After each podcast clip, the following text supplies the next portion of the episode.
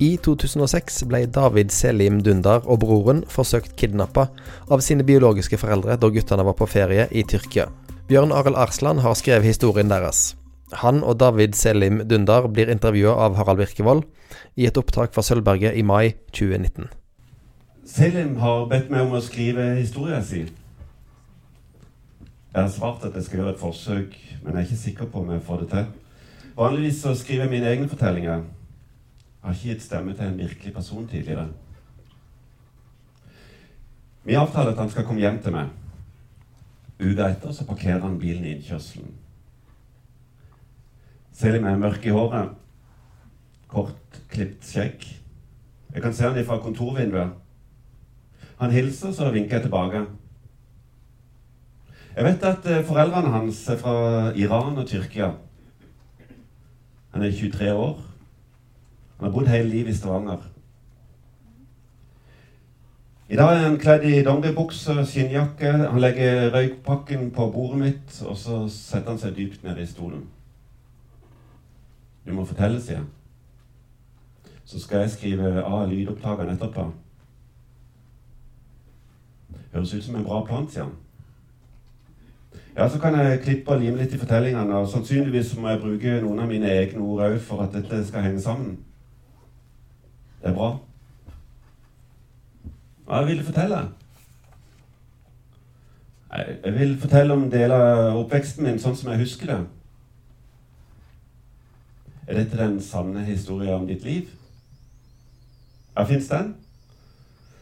Nei, jeg vet ikke. Hva tror du fortellinga di skal handle om, da? Jeg vil fortelle om far. Ja, vær så god. Far var kul. Jeg likte å være med han. De årene mor og far var skilt, og når jeg visste at far skulle komme, så sto jeg i vinduet og venta. Far kunne se meg fra parkeringsplassen, han vinka tilbake. Jeg sprang til døra for å åpne når han ringte på, og så bøyde han seg helt ned. Det var det første han gjorde. Bøyde seg ned, og så så han rett på meg. Benim Aslanim, sa han. Så kløyv han meg i kinnet. Det betyr 'min løve'. Benin Aslali min, sa. Eh, kan jeg fly helikopter? Så løfta far meg opp. Hang i fars fingre. Jeg var så liten, og far var så sterk. Han holdt meg i buksa, så løfta han meg enda høyere. Det er dette bildet jeg helst vil huske. Jeg henger én finger, og så er jeg helt trygg. Jeg ser fars muskler. Kjenner på den blandinga av lukter som var far. For han han lukta røyk og såpe og deodorant. Han gikk alltid med skinnjakke. Jeg elsker den lukta av skinnjakke. I hans lille fangerfinger så hadde jeg ingenting å være redd for. Skulle jeg falle, så ville far bare redde meg. Det er den tilstanden jeg har drømt om å være i. Den følelsen at noen tar imot.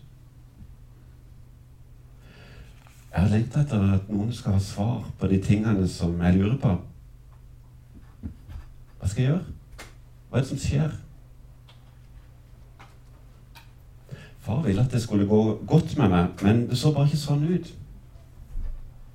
Han gjorde ingenting av de tingene som fedre gjør for at barn skal få det fint. Fulgte meg ikke til skolen. Hjalp meg ikke med leksene. Lagde aldri mat til meg. Hadde far fått lov, så hadde jeg blitt en uh, Jeg hadde blitt en good old gangster. Han hadde vist meg alt han kunne. Jeg hadde klart meg helt fint. Far han var flink. Men de som driver på sånn, de blir jo aldri gamle. De doper seg, havner i fengsel, slåsskamp. Når du hører at noen er drept på en fest, så er det folkene der som ligger der. Jeg kunne blitt like flink som han. Det er den veien jeg skulle valgt. Jeg burde lært hvordan han kan uh, bli en gangster. Da ville jeg blitt spart for all den dritten som samfunnet har påført meg. Denne dagen så skulle vi til Sandnes. Far hadde med seg en rull med penger. Rulla alltid sedlene i en eh, bunke, så satte han en strikk på. Kjørte innom bensinstasjonen. Han holdt pengerullen opp sånn for å vise hvor rik han var. Kjøp, kjøpte batteri til meg. Kom for så mye godteri jeg ville. Fylte opp en pose, hadde den i fanget, og så kjørte vi videre inn i byen. Far fikk plutselig øye på den mannen som snart skulle bli full av blod. Jeg så hvor redd den mannen var. Og jeg så hvor farlig det var når far ble sint. Far la Gameboyen min i fanget mitt. Han ville at jeg skulle spille mens han gikk bort til mannen. Først sto de og snakka litt sammen. Far hadde knytta nevene. Jeg satt for langt unna til jeg kunne høre hva de snakka om. Men plutselig så slo far. Mannen tok seg til ansiktet, og like etter så rant det blod ifra mannens nese, og så slo far en gang til. Mannen var helt rød i ansiktet. Far, han, fortsatte, han bare å slå. Og han tenkte nå må ikke far slå mer. Mannen forsøkte å beskytte seg. Men far var altfor sterk, altfor sint og altfor rask. Jeg holdt rundt Gameboyen og rundt batteriboksen. Den boksen var ikke like kald lenger som den var når jeg fikk den. Spiste ingenting av godteriet mitt. Forsøkte å presse øynene ned i fanget. Spratt bare opp hele tida. Det var bare far som slo. Den fremmede forsøkte å beskytte seg. Det var som om fars slag var noe han fortjente. Og jeg var redd for at far skulle bli enda sintere. Mannen som eh, for noen minutter siden hadde vært en helt vanlig mann, han var blitt så stakkarslig. Og nå var far ferdig. Han begynte å gå mot bilen igjen. Mannen satte seg ned på en betongkloss der på brygga. Holdt hodet i armene. Far tørka hendene på buksa. Jævla idiot, sånn. Forbanna junkie. Så starta han motoren, og så De som var i nærheten, de kunne høre hylene fra dekken, dekkene våre når vi svingte ut fra parkeringsplassen.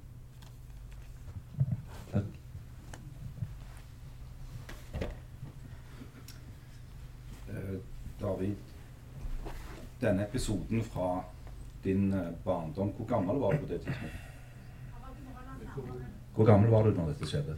Jeg var rundt Jeg tippa rundt seks-syv år gammel. Mm. Og den episoden Du valgte å fortelle den til, til Bjørn Arild ganske tidlig.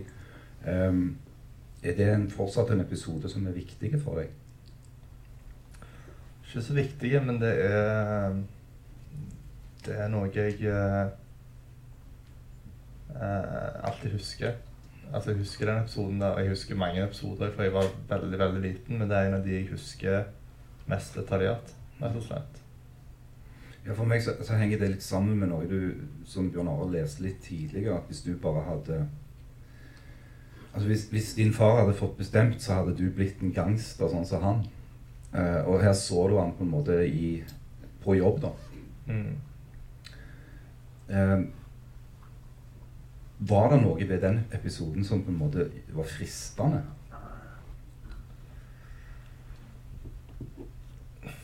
Det er jo en jobb. Altså, det er jo ikke en eh, eh, Det å være en uh, lånehai eller langer eller torpedo, det er jo ikke Du går jo ikke og leverer slikkepinner akkurat til folk. Det er jo en del av jobben. Uh, men uh, det var det jeg var vant med. Vant, altså, jeg vokste opp på Storhaug på tidlig 2000-tallet med sprøyter overalt og narkomane og vold og innbrudd og sånt. Og det det jeg var vant til å se, liksom. Mm. Rett og slett. Så dette var bare å se din egen far på jobb? Ja. Rett og slett. Den barndommen din eh, kan jo ikke på noen måte beskrives som en normal norsk barndom. Eh, men likevel så vil de som leser denne boka, se at det er en god del kjærlighet òg. Inni dette her. Oppi alt dette kaoset. Eh, kan, du, kan du prøve å sette ord på hvordan det var? Altså Bare for at du er kriminell, det betyr ikke at du ikke har eh, kjærlighet eller medfølelse for andre. Eh, følte meg aldri utrygge med mindre politikamp, kom, for en eller annen grunn. Eh, Så det var politi som var problemet? Liksom. Ja, for meg Det kunne fint sitte på et rom med fire narkiser som dealte dop til hverandre, men hvis det kom politi, så sto du liksom som jeg er midt i skuddlinja, der faren prøver å få de vekk mens politiet hopper over han, liksom. For eksempel. Eh, men eh, min familie er jo litt spesiell, da, fordi han er veldig stor. Jeg har jo både iransk, tyrkisk og norsk familie. Eh, og mange av de var noen av de mest kriminelle i denne byen her når de kom her til tidlig på 80-90-tallet, mens eh, resten av delen var ekstremt skikkelige og kristne og muslimer og troende. Så det er litt sånn eh, Litt sånn rart, ja. Eh, og eh, Men det var aldri noe sånn Altså det er greit nok at far min var kriminell og sånt, og bestefaren visste det gjerne, men det var aldri noe tull hjemme, f.eks. Altså Det var ikke et øyeblikk der eh, Hvis vi satt hos bestemor og bestefar for eksempel, og på besøk eller spiste middag, så var det aldri noe snakk om rus. Ingenting sånt. Så Så jeg, eh, følte meg aldri utrygg, for så vidt, for å si det sånn. Mm. Men det var nok en del folk som følte seg utrygge på dine vegne, da. Eh, det var fordi at det var deg og din lillebror som var på en måte i skuddlinja, om man kan si det sånn, i denne her nokså kaotiske familiesituasjonen. Eh, hva skjedde etter hvert med deg og din bror? Til slutt så begynte jo eh, Etter mormor mi hadde sendt flere hundre brev og e-mailer til krisesenter, barnevern og det ene og det andre, eh, fordi at eh, i slutten, når jeg nærmet meg syv-åtte år gammel, jeg flytta da jeg var åtte i fosterhjem, så var det så mye som gikk galt mellom far min og mor min. De krangla så heftig og, og løy til hverandre og sloss mye og sånt. Og til slutt, etter at hun hadde sendt mail til barnevernet i flere år De hadde hevet masse hjelpeetater og pissedatt for å se hvordan vi hadde det hjemme. Eh, så til slutt så havna vi på et krisesenter i Haugesund, og så flytta de oss ut i et fosterhjem, da. Fordi at det var, det var så gale å bo der. Eh, og det som skjer da, er at du flytter jo to gutter som nesten ikke snakker norsk. Hvor gamle var dere da? Jeg var åtte, eller nettopp blitt åtte, og broren min var syv år gammel. Eh, så de flytter to stykker som nesten ikke kan norsk, som er livredde hunder. Eh, rett inn i et fosterhjem der de aldri har hatt barn før. De har seks hunder. Eh, og eh, fosterfaren hadde visstnok eh, blitt anklaget for eh, seksuelle eh, samleie, for å si det sånn, da, med ei mindreårig jente som barnevernet heller ikke trodde på, visstnok. Så de mente at det var det ideale hjemmet for to stykker med masse problemer og traumer. Mm. Det er lett å høre at du er ikke nødvendigvis enig i at det var en god beslutning. Nei, jeg eh, har lurt på det ofte, hvordan det er logisk for barnevernet å ta det valget der. Eh, spesielt siden de hele veien sa at nei, vi skal hjelpe dere, vi skal gjøre livet deres bedre, ditt, ditt, ditt, datt. Så syns jeg det er litt rart at de, de tror at eh, Eller jeg syns det er rart at de satser eller tar en risk på at eh, det kan være at en av de blir et løvetannsbarn. Når oddsen er så liten for at det faktisk skjer. Men samtidig så, så skjønte du òg, selv om du var så liten, at eh, altså, sånn som det var, kunne det ikke fortsette. Mm. Noe måtte skje. Ja. Det, det skjønte jeg jo. Problemet er jo bare det at når jeg slutta der til, til det fosterhjemmet, så skjønte jeg at ting var jo enda verre.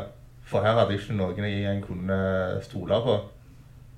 Uh, og farmen visste jo hva type han fosterfarmen var, og de krangla mye.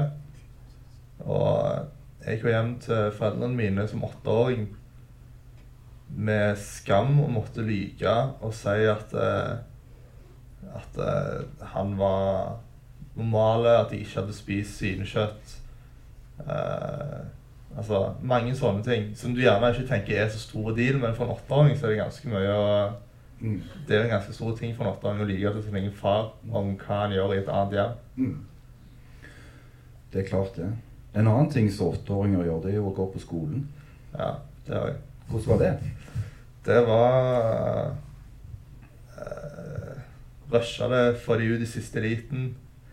Gå på skolen, lage et rent helvete, slåss. Og går hjem igjen og får masse kjeft i juling.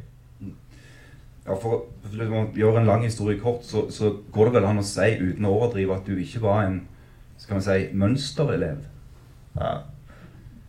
Noen her inne i denne salen her har sagt meg at de hadde Kampen skoles eh, jævligste onkel for eh, 30 noen år siden.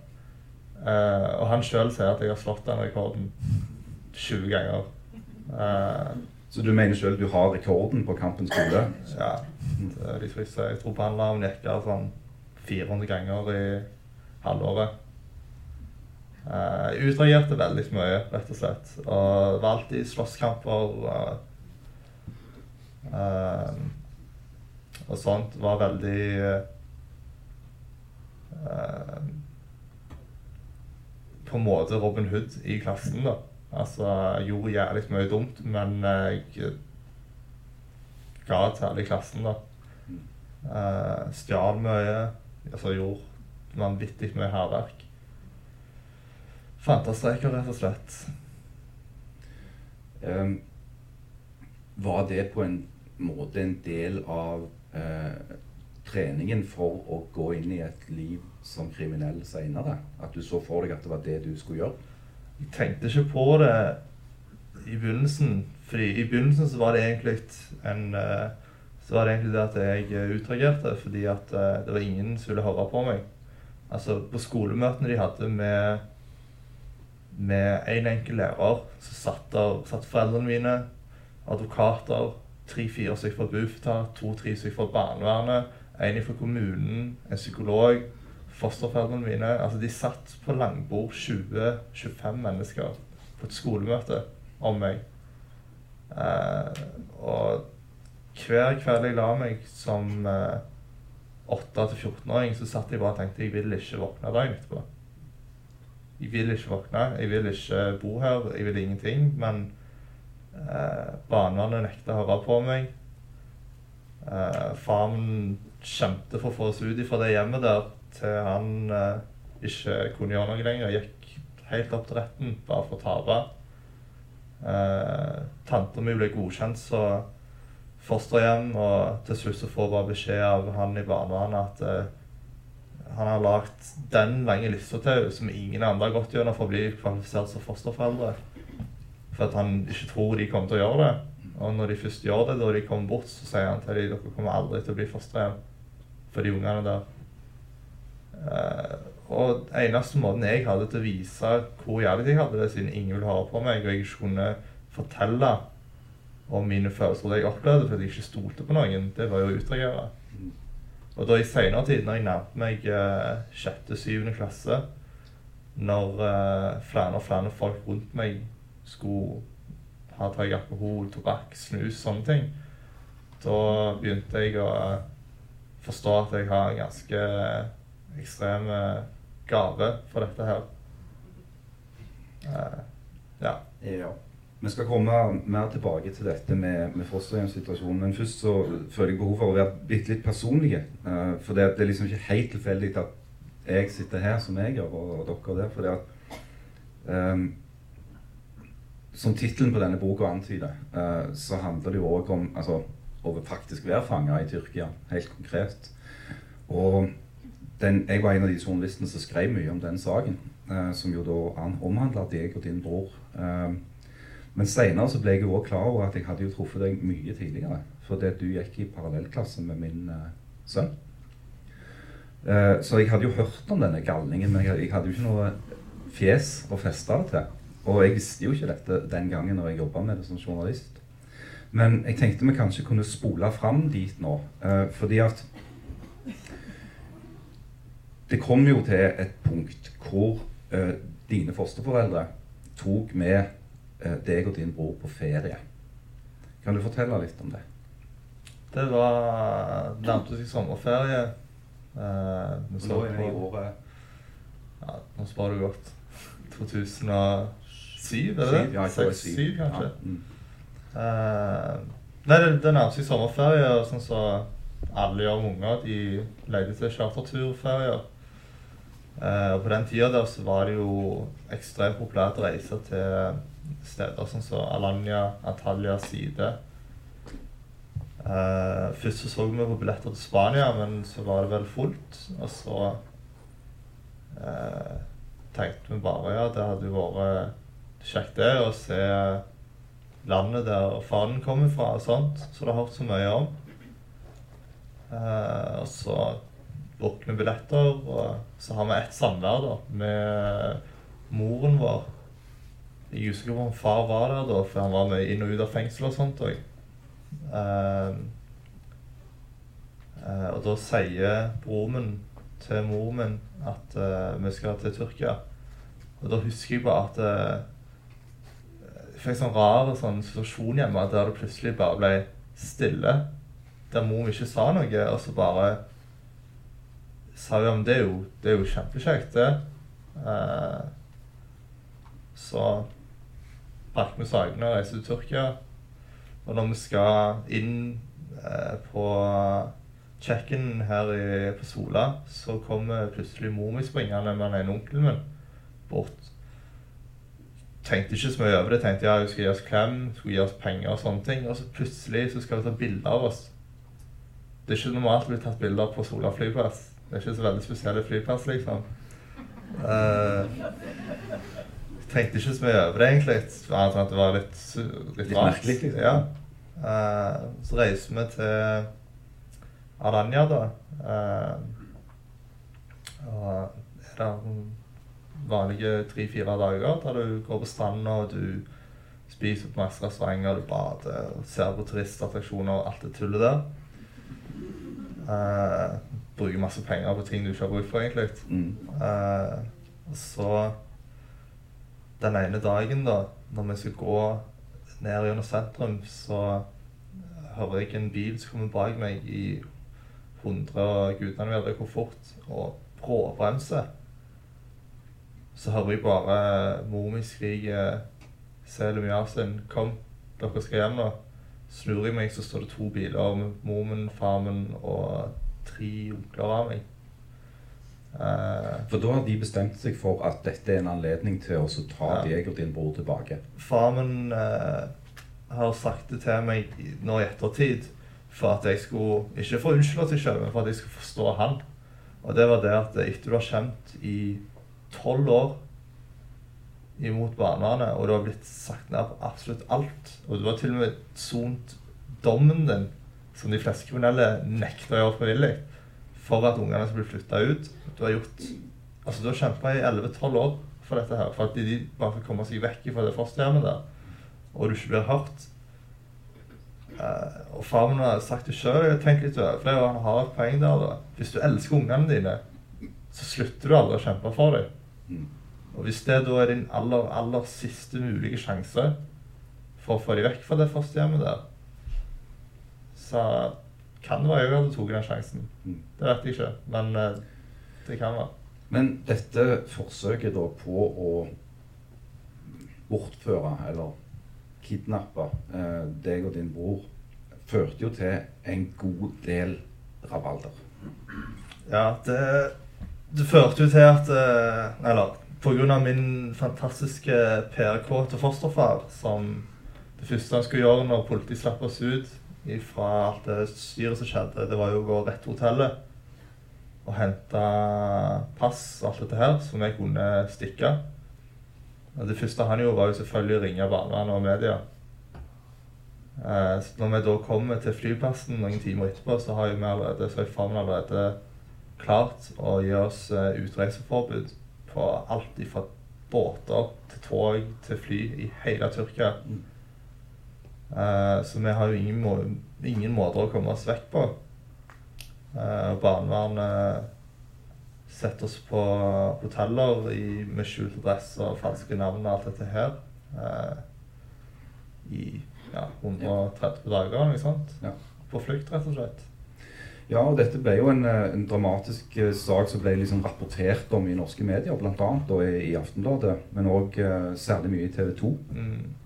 Eh, og for å gjøre også en lang historie kort, så, så endte dette med at eh, det du, bror din og fosterforeldrene deres ble smugla ut, eller kom seg ut av Tyrkia Mm. eh, ved hjelp av en norsk privatdetektiv som heter Ola Tune. Eh, kan du fortelle kort hva, hva som skjedde i forbindelse med at dere kom ut av Tyrkia? Jeg ble fortalt at vi skulle ta drosje fra side til Istanbul. Eh, var er et ganske langt stykke. Vi har en drosje på når jeg klarte det på sånn fem timer. Eh, og jeg fikk beskjed om vi skulle møte en person. Måtte aldri se navnet hans fordi han kunne bli fengsla og straffa i alle andre land. Eh, og at det var dette her han levde med. Det var dette han gjorde. Det var ikke først, altså, fordi Jeg husker jeg spurte fosterforeldrene mine ja, men hvordan vet vi at vi kan stole på han. Så sier jeg nei, fordi det er dette han jobber med. Uh, og da sitter han der med kona og de der døtrene hans, eller barna hans, uh, sier til oss vi skal uh, Den og den datoen så skal vi gå dertil, vi skal ta den luka. På flyplassen? Ja, Mm. gå gjennom den og den passkontrollen. Eh, og eh, det var like mye oppstyr i media i Tyrkia som det var her. Bare i, Tyrkia så det er det 40 millioner mennesker som ser det. Jeg kunne ikke gå, i, kunne ikke gå ut av hotellet alene fordi folk gjenkjente meg, liksom. Mm.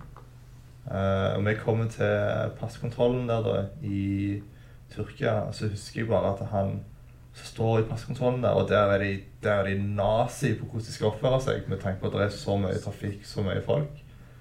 Og da husker jeg bare at han eh, siktet seg på passet vårt, og så bare blunket han til meg Men han slapp oss gjennom. Og så sitter vi på fly eh, til Tyskland. da. Det var alt han hadde gjort. Han hadde bare betalt for flybillett til Tyskland. Ingenting annet hadde han brydd seg om. Og så står vi i Tyskland der da, uten noen mulighet for å komme oss videre. Ingen penger, ingenting. Og da tar eh, faren til fostermor mi, Jakob Rugland, da bestiller han flybillett til Norge på sekundet, så vi kommer oss hjem. Mm. Uh, så kommer vi hjem, og så stopper de jo flyplassen, nei, flyet på rullebanen. Henter oss med sånn svære subber og alt det der. Kjører oss ut til hytta eller huset til hun ene som jobber i barnevernet, sånn at vi kan få en måned eller to til å slappe av for oss sjøl og sånt. På skjult adresse. Og det første han eh, PR-kåte fosterfaren min gjør, det er jo for Se og Hør og TV 2-helikopter til å flagre ned gjennom Moi, liksom.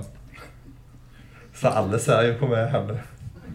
Så det var en veldig diskré måte å komme seg hjem på. Mm, jeg forstår. Uh, og for å stoppe deg litt der, at nå er vi òg på et punkt uh, som ble eh, altså Dette ble jo massivt omtalt i, i norske medier òg, denne hjemkomsten. Og det ble brukt ord som at dere hadde blitt redda. Stemmer det. Den hørte jeg mye gjennom oppveksten. Mm. Hadde du blitt redda? Ikke i det hele tatt. Hva, var det, Det- hva var det som egentlig hadde skjedd? Det som egentlig hadde skjedd, var at barna hadde gravd seg sjøl ut av driten de satte oss inn i, først og fremst. Altså Ingenting av dette hadde jo skjedd hvis de faktisk hadde hørt på alle anklagelsene. Altså, før vi reiste til Tyrkia, året før eller to år før, så reiste vi plutselig akutt bare på en eh, reise til Frankrike i noen uker. Og det var fordi at det var så mye medieoppstyr i Rogalands Avis, tror jeg det var, om fosterfaren og to jenter som han hadde tatt på, som var mindreårige. Til og med dette er på framsida i Rogalands Avis, og barnevernet blånekter på det. Mm. Litt underlig. Mm. Ja, det, mange tenkte jo da at å, endelig, de har blitt redda, de har kommet Ja. hjem, nå kommer det til å gå bra. Alt kan bli bedre. Istedenfor så gikk alt forferdelig mye verre Ja. eh, med deg. Eh, det endte opp med at du ble eh, innlagt fordi du var suicidal. Fordi Det- du hadde prøvd å ta ditt eget liv. Det endte opp med at jeg eh, At jeg eh, til slutt nærmer meg eh, eh, Begynner å nærme meg syvende klasse. Skal opp til ungdomsskolen eh, og senere tid videregående. da. Men det ender jo opp med at jeg har gitt opp alt og alle. Stoler ikke på noen jeg kjenner av voksne. Eh, og ender jo opp med å henge, altså være ganske dypt inne i et temmelig heftig eh, rusmiljø, kan du si. Eh, der eh, Ja, der vi gjorde alt ifra slåss til innbrudd, ran, eh, mye ting, da. Og mye rus. Ble jo avhengig av piller. Sitt, det kom til et punkt da, etter tre-fire år der du ser rundt deg, og uh, du ser at eh, folk rundt deg ikke er de samme lenger. Altså knivstikkinger. Det var perioder der du ikke kunne gå alene liksom, fra Storhaug til Stavanger for du kunne bli knivstukket som 15-åring. Uh, og det til slutt da, så Jeg ser jo sjøl at jeg eh, har mista hele kontrollen. Jeg har blitt veldig avhengig av rus klarer å skjule det, da, fordi du piller. Du popper jo bare på vei til skolen, og så ligger og sover, og så går du hjem igjen, f.eks., eller på nettene. Så det som skjer, da, er at jeg til slutt finner ut at jeg eh, etter å ha vært veldig deprimert i mange måneder eh, For jeg har mista veldig mange nære rundt den, det tidspunktet der, så finner jeg ut at eh, jeg eh, vil ikke leve lenger. Jeg gidder ikke dette lenger. Og da ender jeg opp med å ta en eh, overdose på tre bokser med Ritalin, og jeg snifter et eller annet. Eh, og så passer jeg ut. Og våkna dagen etterpå med 170 stigende puls og hjertebank og 40 000 ledninger kobla til meg. Så Da var du der. Uh, og nå skal jeg stoppe deg bitte litt, for det at Bjørn Arild Når du skulle altså Dette er jo en historie om et liv som, som de færreste må vel si heldigvis har opplevd. Eh, med, med veldig mye sånn opprivende detaljer. Eh, hvordan gikk du fram når du skulle prøve å få satt historien til David ned på papiret? Ja, det er jo egentlig sånne prosjekt som eh, kan gå veldig, veldig galt. Fordi at du kan finne ut at du skal ha en eller annen agenda. Skal, det mest sånn opplagte agendaen i det prosjektet her, det var jo f.eks. å skulle ta eh, barnevernet. Og at jeg på en måte skulle lages et debattinnlegg. Eh, og jeg begynte jo egentlig på det. Jeg hadde et nokså greit eh, innledningskapittel og sånne ting. Da. Og dermed så ble på en måte hele fortellinga speila i forhold til det. da. Og så så jeg mer og mer på det, så sa jeg bare at dette er jo helt meningsløst. Jeg har jo ingen peiling på barnevern. Jeg skriver jo bare bøker. Og eh, så leide jeg eh, etter andre åpninger, da. Eh, det som jeg visste at jeg hadde, det var jo at eh, det er en veldig god fortelling. Det ene er selve Tyrkia-fortellinga, der du er på flukt. Og det andre er jo eh, det å så, eh, vokse opp hos foreldre som ikke er fullt kompetente, da. Og så er jo bokformatet en veldig godt format å legge noe sånt inn i, fordi at du kan få inn denne her tvetydigheten som jo òg du har da når det gjelder Man ser jo at ø, det går ikke så veldig bra hjemme hos de biologiske foreldrene. Samtidig så går det ikke så veldig bra hos fosterforeldrene. Og så har du denne veldig sånn vaklinga her, da. Mm. Så det, men metoden rent generelt var bare at, eller helt konkret det var at kom med, snakka, jeg tok masse opptak, og så gravde jeg fram den fortellinga som, som jeg hører nå òg er veldig Du er jo veldig god til å formulere det, da. Så, Du må jo si at du var ganske heldig med subjektet her. Eh, så- enormt heldig. Og den første gangen vi møttes, så hadde du jo med deg en helt sånn sinnssvak bærepose med sånn barnevernspapirer. ja, Og jeg tenkte ja, her ligger nøkkelen, men eh, det var Jeg var glad den dagen du har henta den posen. Altså. Jeg vet ikke hva du har gjort med den. jeg ligger hjemme. Men nå skal vi kanskje åpne et nytt kapittel, da. Fordi at vi må kunne si at dette, denne overdosen eh, og det punktet du var på i livet da, på en måte var en slags bånd. En bånd. Ja, en av mange. Hva skjedde etterpå? Det som skjedde etterpå, var jo at jeg eh, havner jo på sykk, faktisk. Verste stedet du kan havne på. Eh, Butt bar, da. Eh, ble akutt satt inn der. Eh, I ei uke tror jeg jeg lå der inne. Og det var jo når de akkurat hadde pustet opp, og det er jo sånn splitter nytt og fancy, og du skal prøve å spise en kald, eh, tynn eh, løssteik med en knivsikker plastikkgaffel, så du ikke klarer å tygge med. altså Du kan ikke kutte. den. Og rommene er jo selvmordssikre eh, og lydtette, men de har jo sånn lufterør som går inn i hvert eneste rom. Så hver eneste natt så sitter jeg og hører ei jente på 13-14 år gammel som prøver å bite av seg pulsåren i hånda. Eh, og masse folk som springer inn og ut, inn og ut. Eh, og barnevernet er jo helt på det poengpunktet der de har fått nok og ditt datt, og nå må du ditt, nå må du datt. Og jeg rekker fingeren til dem og sier 'fuck off', basically. Uh, men så sier jeg da rett ut at jeg kan ikke være her inne, fordi dette gjør ikke meg bedre. Dette gjør meg jo enda sykere i hodet. Uh, og så blir jeg eh, da flytta inn til de nye fosterforeldrene mine som jeg har bodd med i tre-fire år allerede på dette tidspunktet. Og så skal de ha sånn hjelpetiltak der det er noen som springer etter meg og passer på meg og sånt. Eh, og han ene av de var ikke så veldig begeistra for å ha. Eh, og til slutt så bare klikker jeg på han, så går jeg ut, går meg en tur, går og setter meg bak for å ta en sigarett. Eh, og plutselig når jeg sitter der ute bak da, og tar en sigarett, så kommer det fire politimenn ikke sant? for å ta meg, for de trodde Jeg vet ikke hva de trodde, men de hiver meg ned i bakken hiver meg inn i politibilen. Uh, og så kommer det en som har hatt veldig tett oppfølging med meg, da, som sitter foran, og jeg er så forbanna på dette tidspunktet her at jeg uh, ser rett og slett rødt i øynene mine. Jeg sitter bak i den politibilen der, i den varebilen, med hendene i håndjern, og jeg tar skudderbladet ut av ledd. Jeg tar hendene foran meg, og jeg sitter egentlig bare og venter på at han skal åpne den døra der på gløtt, så jeg bare kan spenne trynet hans ned. og bokstavelig talt banka i hjel. Jeg var så forbanna og følte meg så uh, Hva skal jeg si uh, Dårlig behandla. Altså av alle rundt meg på dette tidspunktet her, da. Og så er jo de svar da selvfølgelig hiver meg på sykkel igjen. Og når jeg kommer der til åtte på kvelden, da, på BUP A, så sier jeg til hun at eh, jeg kommer til å være her i 24 timer, så knuser jeg den ruta der, så går jeg.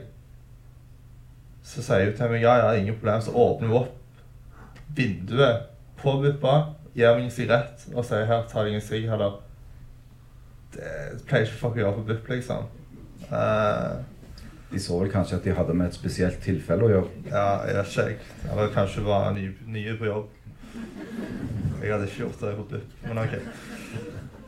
Nei, så det som skjer da, er at jeg havner jo på en uh, akuttinstitusjon på Røyneberg, da.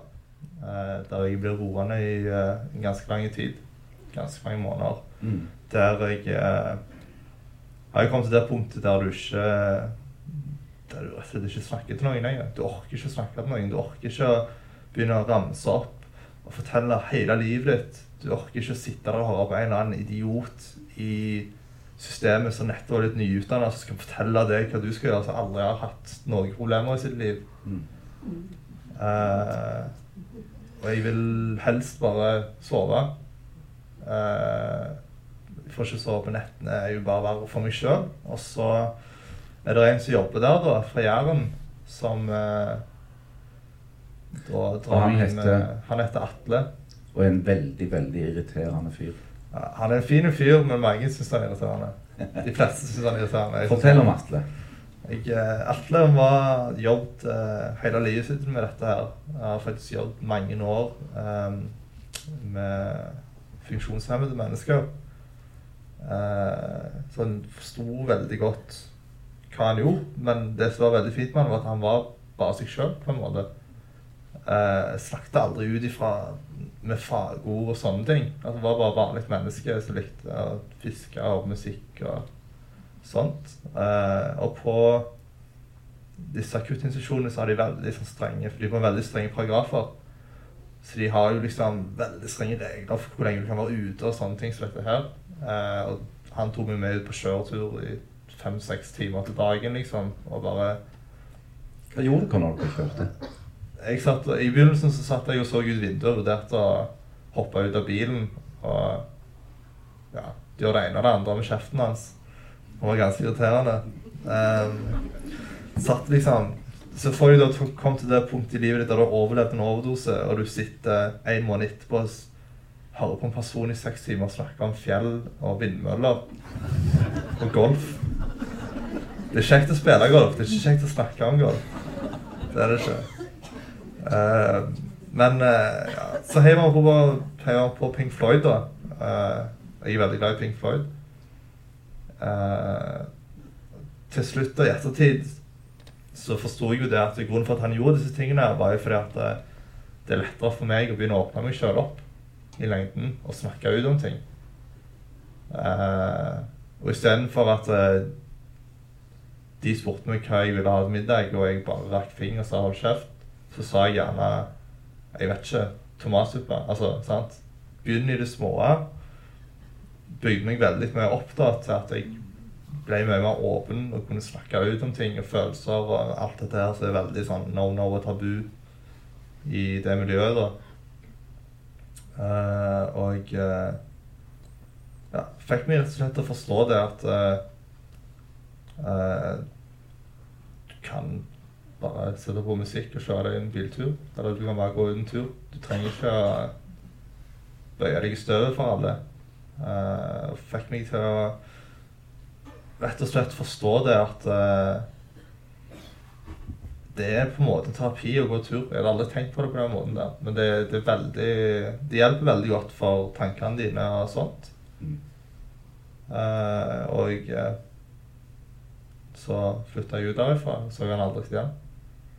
Så fant jeg jo òg ut etterpå at uh, han er òg onkelen til en som jeg og sønnen din gikk i parallellklasse med. Så Der ser du. ja. Men iallfall er det en grunn til å tenke litt grann på han der irriterende Atle akkurat nå. Fin fyr. Det er det. Veldig fine. Hvor er du nå? Hva du mener Hvordan er livet ditt nå? Greit. Jeg uh, hater det spørsmålet der. Beklager. Men, eh, jeg, eh, Men det må stilles. Jeg pleier alltid å si at det kunne gått bedre, men det kunne også gått mye verre. Sant? Hva er, hva er det å være fornøyd? med? Det er bare en tanke i hodet ditt. Så det går fint. Det kunne gått bedre. Det kunne gått verre. Jeg eh, sitter her nå, har det veldig kjekt med dere. Så Du har jo gjenopptatt kontakten med den biologiske familien din òg. Eller selv om du egentlig aldri mista den. Men, men eh, kan du si litt om hvordan det fungerer nå? Det er helt normalt. Akkurat som barnevernet aldri eksisterte, først og fremst. Som er ganske underlig, men veldig bra, da. Jeg, eh, det er klart at eh, Altså, jeg elsker jo far min, for eksempel, men det er klart at vi har jo ikke Han har jo ikke hatt meg siden jeg var åtte år gammel. Han har bare hatt sånn fire-fem timer med meg i en gang i måneden. Sant? Jeg har ikke bodd sånn, jeg har ikke vært med han i oppveksten. Så det føles jo litt rart ut, men samtidig så føles det helt naturlig ut. Det er helt, det er helt merkelig, det går ikke an å beskrive. Det, du har ikke sett han på seks år. Du reiser på et bryllup til onkelen din når du møter han der. Og dagen etterpå så sitter dere og spiser middag og snakker sammen og går tur. Akkurat som at ingenting hadde skjedd før. Helt naturlig føltes det ut. Uh, det syns jeg er veldig underlig, da. At det er sånn. Uh, fordi jeg har jo sittet og overtenkt det mange ganger. Hva jeg skal si, hva jeg skal gjøre, hva hvis, hva hvis, hva hvis. hva hvis. Men når det kommer til stykket, så bare gikk Altså, alt skjer naturlig. Litt sånn som Atle. Ja. Bare Der eh, måtte jeg jo komme over snakkinga først. Faren min snakker ikke så med Så Det er et godt poeng, det. ja. Ja.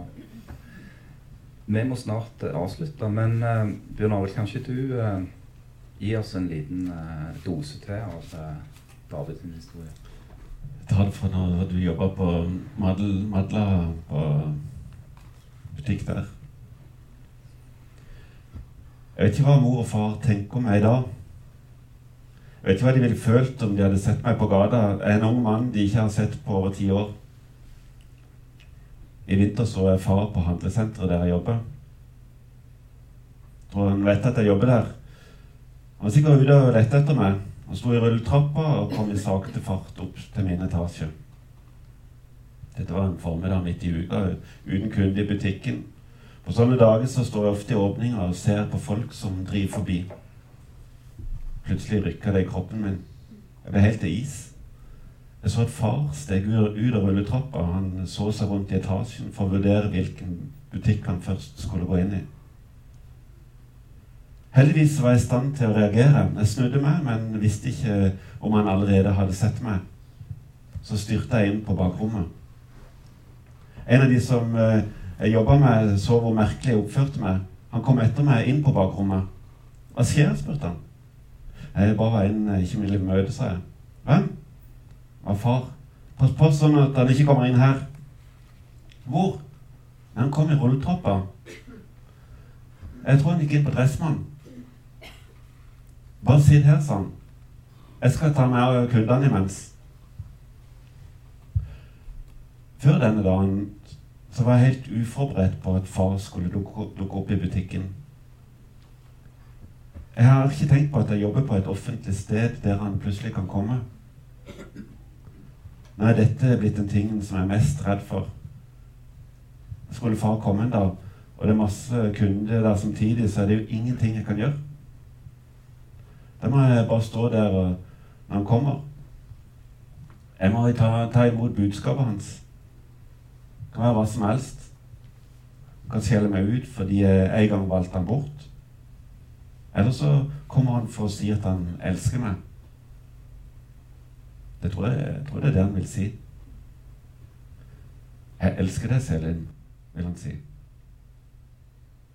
Jeg elsker deg, far, skal jeg svare. Takk skal du ha.